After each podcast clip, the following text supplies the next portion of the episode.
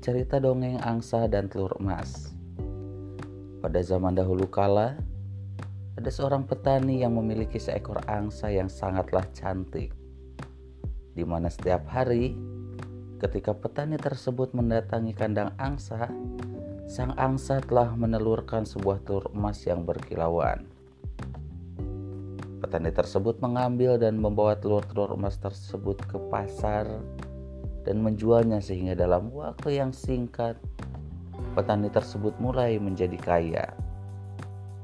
Tetapi tidak lama kemudian keserakahan dan ketidaksabaran petani itu terhadap sang angsa muncul karena sang angsa hanya memberikan sebuah telur setiap hari. Sang petani merasa dia tidak akan cepat menjadi kaya dengan cara begitu. Suatu hari, setelah menghitung uangnya, sebuah gagasan muncul di kepala petani. Gagasan bahwa dia akan mendapatkan semua telur emas sang angsa sekaligus dengan cara memotong sang angsa.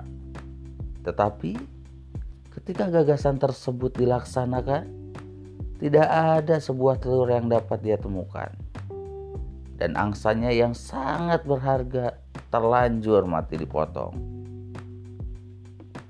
Jadi, pembelajaran yang dapat kita teladani dari dongeng angsa dan telur emas ini adalah barang siapa yang telah memiliki sesuatu dengan berlimpah tetapi serakah dan menginginkan yang lebih lagi akan kehilangan semua yang dimilikinya. Maka bersyukurlah dengan segala sesuatu yang kita miliki.